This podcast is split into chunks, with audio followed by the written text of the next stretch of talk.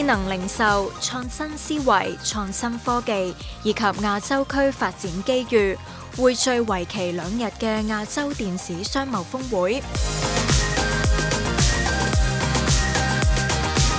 嚟自二十九个国家同地区嘅政府代表、业界翘楚以及近一千五百位电商业界人士，云集香港，咁分享市场发展嘅最新资讯。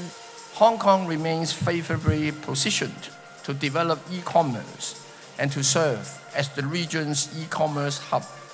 And we are committed to helping Hong Kong business, particularly SMEs, take full advantage of the digital transformation sweeping the world. 講者喺專題論壇上探討咗物聯網嘅影響以及亞洲電商市場。驱动业界增长嘅庞大机遇。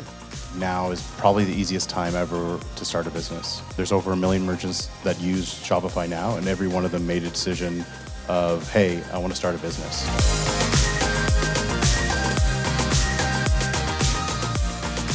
峰会嘅午宴交流会同其他活动，探讨影响力日增嘅区块链科技。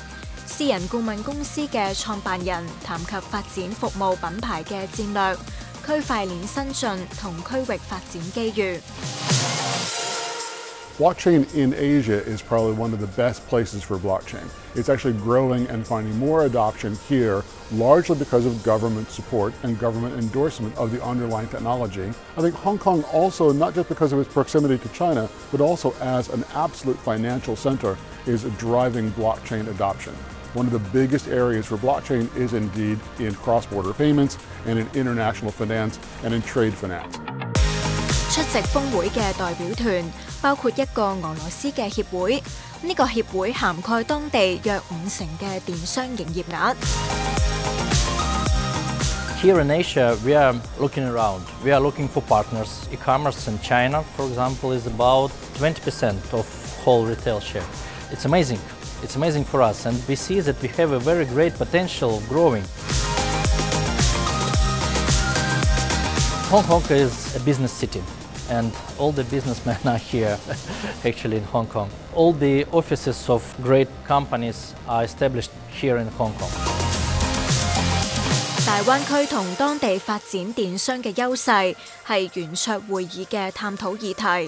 另外，香港同深圳喺提供解决方案同推广品牌上嘅优势，亦都一并讨论。我认为，在智慧零售来如何支持到呢九加二城市的互联互通，关键是智慧零售当中，我讲的是跨境电商的零售当中，我觉得这九个城市各自发挥自己的优势，在智慧零售的环节当中去突出自己的特产。然后形成一个湾区的一个整合的概念。深圳的智智慧零售，尤其是科技当中，可能更多的偏重于后面的产品的研发；而香港在做智慧零售的科技当中，我觉得可能更多的去想大数据，去想国际化，去想数据挖掘，去想 AI。我觉得香港要依然呢，要扮演中国制造业和国际社会的桥梁的作用。所以我觉得。智慧零售让九加二的城市互联互通的关键是各个城市在智慧零售当中去找准自己的定位，突出自己的优势，然后互联互通。网上时装新潮流介绍咗时装业界嘅最新科技。另一场行业分组专题讨论就探讨咗全管道零售嘅重要性。嚟自澳洲 Catch Group 嘅嘉宾。分享經驗，咁佢哋熱切期望進入亞洲網上採購市場。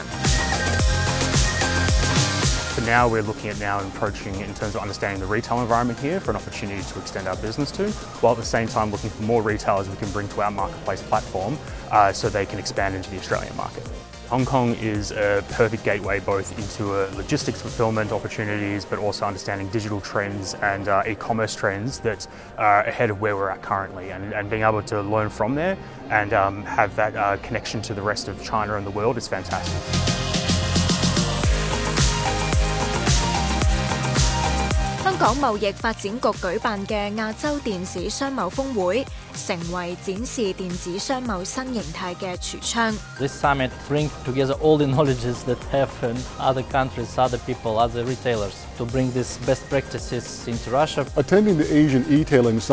today in 2019 is a great foundation. The Asian e-tailing Summit 2019 allows us to both uh, network and meet new retail opportunities and new tech partners within the region, as well as help us establish our presence and our name in the Hong Kong region.